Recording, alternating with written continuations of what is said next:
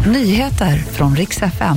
Försäkringskassan kommer att sluta att betala omsorgsföretaget Humana framöver och Turkiet utlyser undantagstillstånd som kan komma att påverka deras nästa val.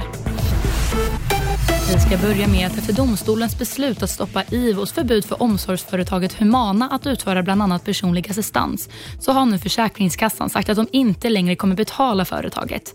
Försäkringskassan säger nu att det istället kommer ge assistansersättning till den som är i behov av vård. Turkiets president Erdogan utlyser undantagstillstånd i landet i tre månader efter gårdagens jordbävningar.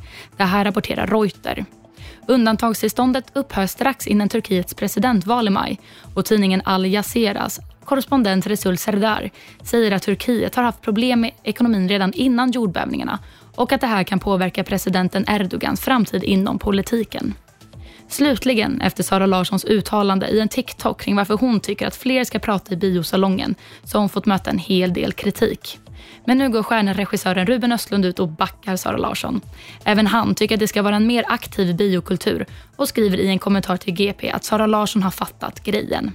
Det var nyheterna och mitt namn är Moa Jonsson.